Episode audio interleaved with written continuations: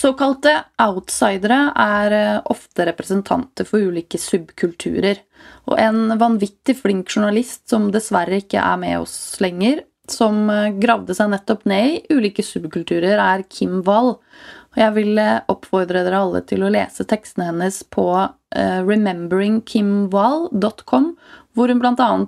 har intervjuet en selvutnevnt vampyr, feminister i Kina og furry fandom, altså mennesker som liker å kle seg ut som store kosedyr. Alle representanter for en slags subkultur. Og det er mange kunstnere også som eh, problematiserer utenforskap eh, i sine arbeider. I denne episoden skal vi snakke med Sverre Malling, som i sin utstilling 'Adjø to Old England' på Kristin Gjellegjerde Gallery i London portretterer nettopp en gruppe av Englands esoteriske outsidere.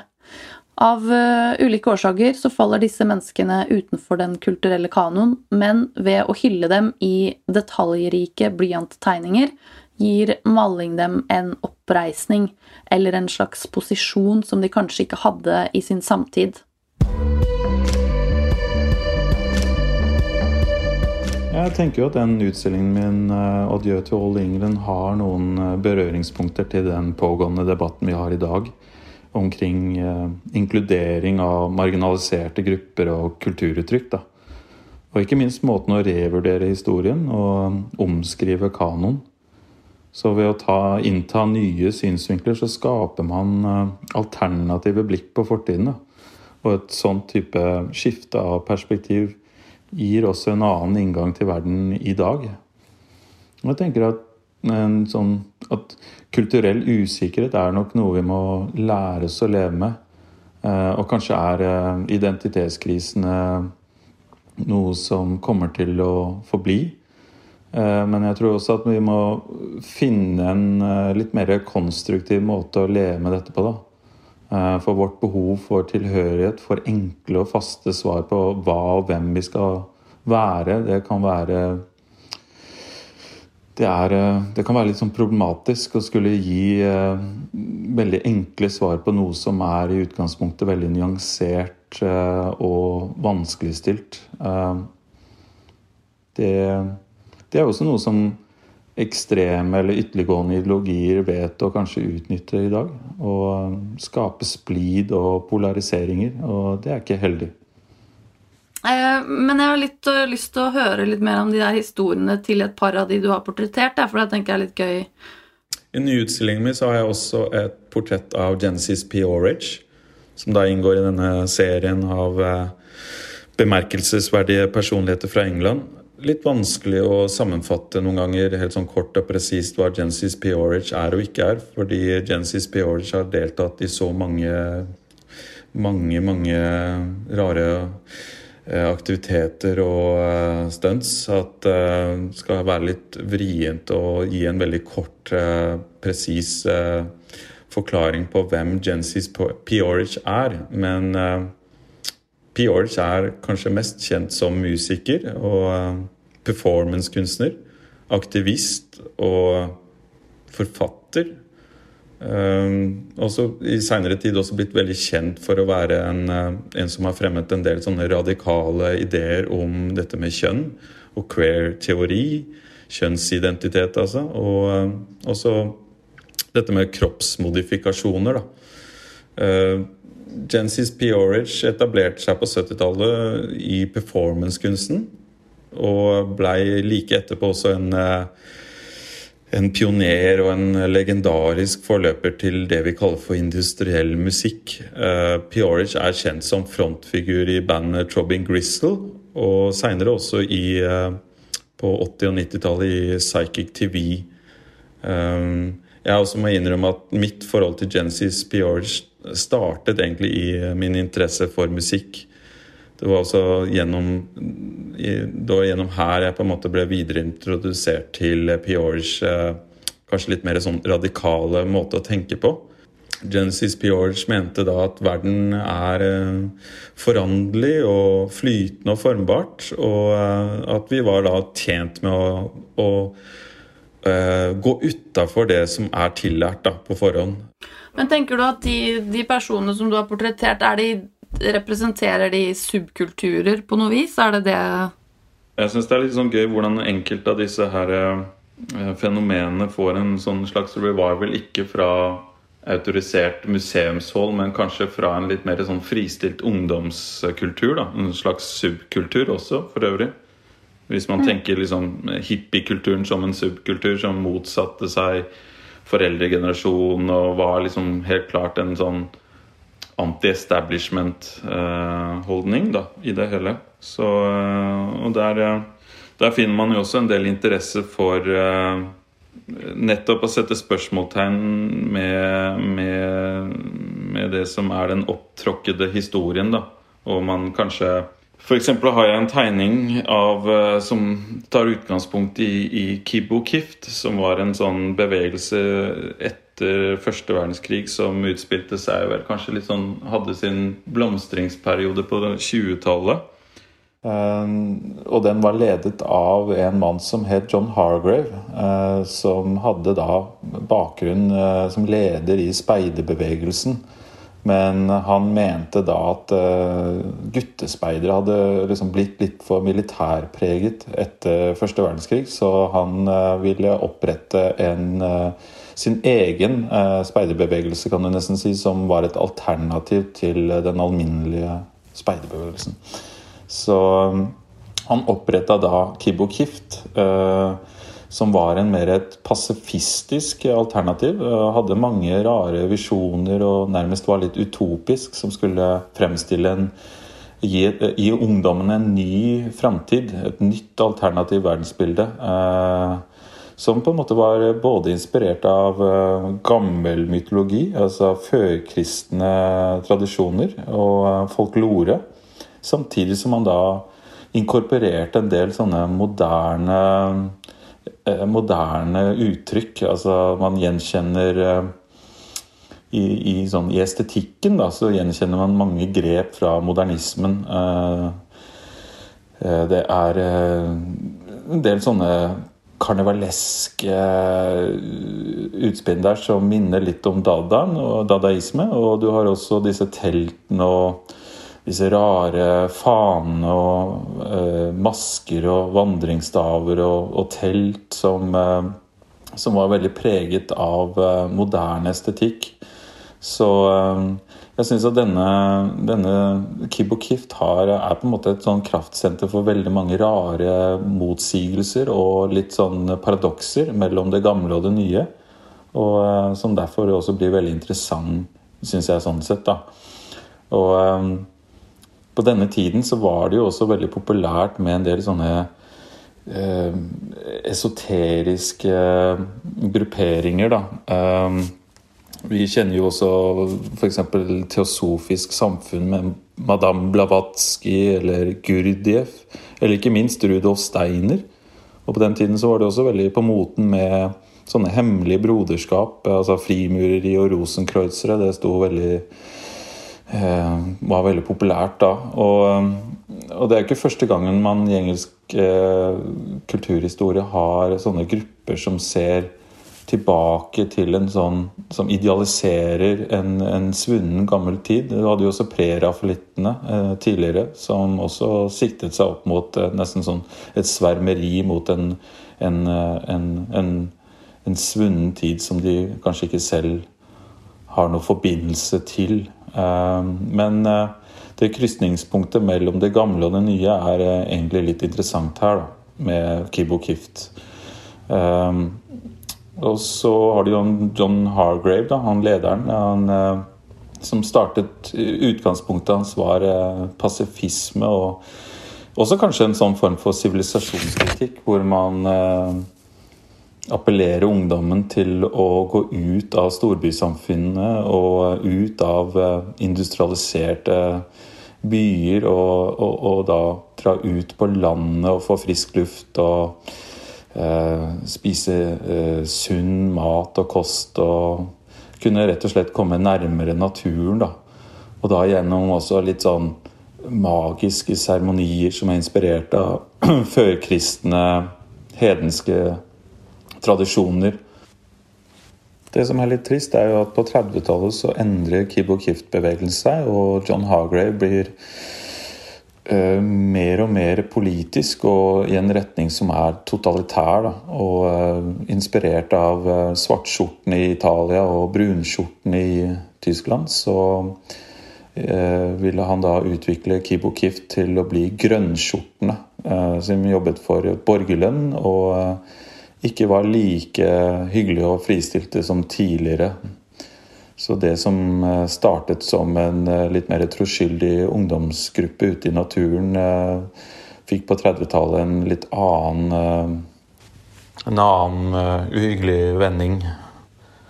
Fra pasifistisk naturorganisasjon til å bli totalitære grønnskjorter. Det er det jo også med vitalismen, har jo også blitt sett i den sammenhengen ja, mange ganger. Det er jo noen som ser den linken liksom i dette med, med Vigeland òg. at man dyrker på en måte den sterke kroppen.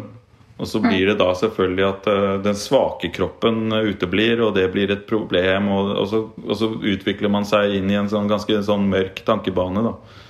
Så uh, det finnes noen paralleller der. Og i Tyskland så hadde man også noe som het Wandervogel som var også en sånn type spirituelt samfunn.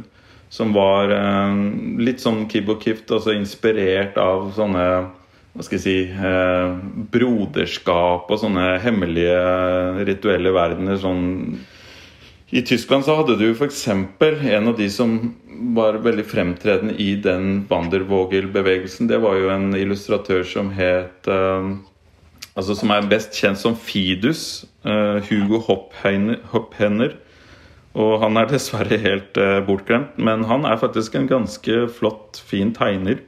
Og veldig interessant. Men uh, han var også en av de som uh, dessverre på en måte kom litt for tett opp mot nazi og Tredje rike og sånn. Så um, han på en måte forsvant liksom ut av, av kunsthistorien. og Etterpå så har hans på en måte ettermæle blitt bare en sånn latterlig abligøye. At man, man snakker om på 50-60-tallet så hadde man et eget uttrykk som het eh, fiduskunst.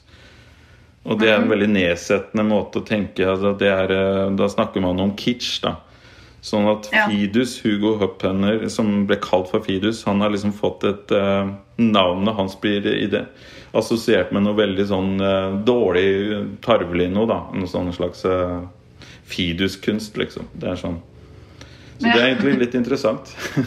ja, men Det er interessant det du sier med, også med vitalismen og det. For jeg leste Jeg hadde den avisa liggende ved siden av meg, for jeg synes det var så interessant. Men det var Joakim Lund i Aftenposten skrev om um, en tekst da, som heter 'Hektet på konspirasjonsteorier og økologisk mat'. Og så skriver han om om uh, han er sjamanen som var med å uh, styrte Kapitol. Han, han nekter å spise annet enn økologisk mat i, i fengsel, da. Og så tenker man vanligvis at økologisk mat er liksom knytta til venstresida og sånt, ikke sant? Men det er jo en lang historie innenfor uh, nazismen med økolog økologisk mat og dyrevern, rettigheter og sånn. Det er kjempeinteressant. Ja, så Adolf Hitler var jo vegetarianer. En venn av meg, Didrik Sødlin, har påpekt nettopp det der med heste, hesteskoteorien. Altså at to sånne ytterliggående motpoler til slutt kanskje får mer ting til felles enn de som er moderate, da, hvis du skjønner litt hva jeg mener. Altså, mm. men, og det er jo en litt sånn interessant eh, Altså disse rare paradoksene, da, som eh, nesten møter hverandre litt i ytterkantene. Det kan være noe sant i det. Um, det er også i forhold til dette med Det er også et, et paradoks, da, det med at subkulturer har også en lei tendens til å bli populærkultur, eller det utvikler seg til å bli populærkultur etter hvert. Vi bare eksempelvis skatekultur, metal, grunge, hele pakka. Folk som er bevisst har satt seg selv litt sånn på utsida av samfunnet, men blir plutselig populærkultur, eller kopieres inn i populærkulturen. Men tenker du, Du var litt inne på det i stad, men tenker du at det er noe positivt med å være liksom en outsider, hvis man setter det i forbindelse med at eh, subkultur er en slags motstandskultur? Mer eller mindre bevisst, da? Ja, det Jeg vet ikke. Det som kanskje kan være positivt, er jo at enn så lenge utgjør på en måte et slags korrektiv til det som er allerede etablert. da. Eller som er den uh, opptråkkede veien. Så kan man komme inn med nye innspill, på en måte. da. Men akkurat det der og, liksom at uh, en slags undergrunnskultur blir inkorporert inn i mainstream, eller på en måte blir stuerein, eller det finner man jo også i kunsthistorien. altså At type avantgarde uttrykk etter hvert blir alminneliggjort. da. Men hva, liksom litt, litt, videreføring i forhold til det. Hva tenker du at skjer med de du portretterer, altså disse outsiderne, eller de som på en måte representerer, er litt marginaliserte enten nå eller i sin egen samtid? Hva tenker du at du gjør med de når du portretterer de? Tenker du liksom at er, er det en intensjon å gi de evig liv, på et vis? Det er vel mer for, for et sånn symbolsk løft, da. Og at uh, dette her er uh, hva skal jeg si, Museene og, og institusjonsverden den på en måte, de, er, de kan jo en tidvis være litt rigide. da. Og det kanskje må de være òg på en eller annen måte. At de har veldig sånn strengt oppsyn med den utvelgelsen de gjør. Og uh, jeg skal ikke si at det er en ekskludering, men altså at for kunstnernes del så, så, tror jeg at det er mye mer fortrinn av, av, å ha øye for det som er litt merkverdig og snodig og aparte og alt det der. sånn at det kan være ofte kunstnerens oppgave å inkludere og være mer åpenhjertig enn kanskje det som museer og institusjoner uh, tillater seg selv å være. da. Nå er vi jo på en måte alle plassert utafor samfunnet på et vis. Og i pressemeldingen din til den utstillingen som du nylig viste i London, så sto det blant annet sitat i en verden i rask endring kan man se paralleller mellom det som nesten forsvant da, og det skjøre som står i fare for å forsvinne som følge av sosial nedstengning og distanse. Eh, hva tenker du at eh, står i fare for å forsvinne i den perioden vi lever i nå?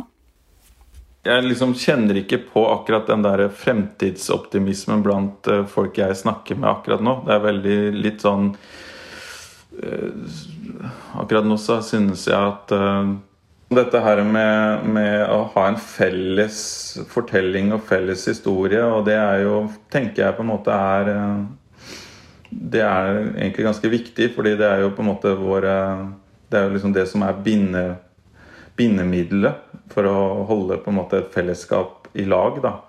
Og jeg mener liksom tenker kanskje at noe av det smuldrer litt bort. Og vi ser også tendensen til en del sånne Altså jeg som er jo i utgangspunktet ganske interessert i litt sånne alternative virkelighetsmodeller, så ser jeg også hvor skremmende det kan kanskje bli òg.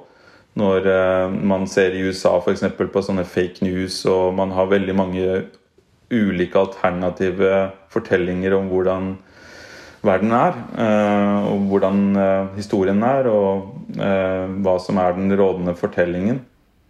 Når det kommer til sånn med utenforskap, så tror jeg altså at kunst og kultur kan bidra til å motvirke motvirke utenforskap. Og kunsten kan speile og uttrykke en virkelighet eh, for eh, ulike, ulike deler av befolkningen. Og, og, gi en stemme da, til på en måte grupper som ikke opplever å bli hørt. Eh, nå kan det jo være lett å romantisere utenforskap, men spesielt for kanskje kunstnere. men Eh, jeg tenker jo at eh, vi kan også betrakte da utenforskap, eller se på det som litt mer positivt ladet ord, i den grad at det representerer en form for utvidelse eller en overskridelse. Da. Eh, altså at det å tenke utenfor boksen, det er en, en utvidelse. Altså det å finne fabulerende utveier der, kun, der andre ser kun blindveier. Altså. Så det handler jo litt om å gå forbi de alminnelige rammene, eller det som er sedvanlige holdepunktene. Og det kan være også nyttig da, for å bringe fram nye synspunkter eller anskueliggjøre altså nye muligheter. Da. Så snarere enn å motvirke, tror jeg kunst og kultur kan være med på å gi aksept da, til dette å være annerledes og rar. Kunstpodden lages med støtte fra Kulturrådet, Koro og Fritt Ord. Jeg heter Cecilie Tyriholt. Vi høres i neste episode.